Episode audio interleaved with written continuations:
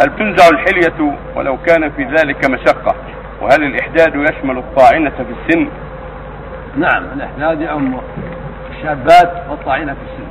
كلهن عليهن إحداد. يعم المدخول بها والتي لم يدخل بها؟ لو عقد على امرأة ومات قبل الدخول بها لزمها العدة والإحداد أيضا. بخلاف الطلاق المطلقة إذا كان ما دخل بها ما عليها عدة. لكن المتوفى عنها إذا مات عنها وقد عقد عليها ولم يدخل عليها العدة وعليها الإحداد وعليها الميراث. فالطاعنة في السن والشابة كلا كلتاهما سواء في وجوب العدة والإحداد كذلك الحلي إذا كان عليها حلي تنزع الحلي.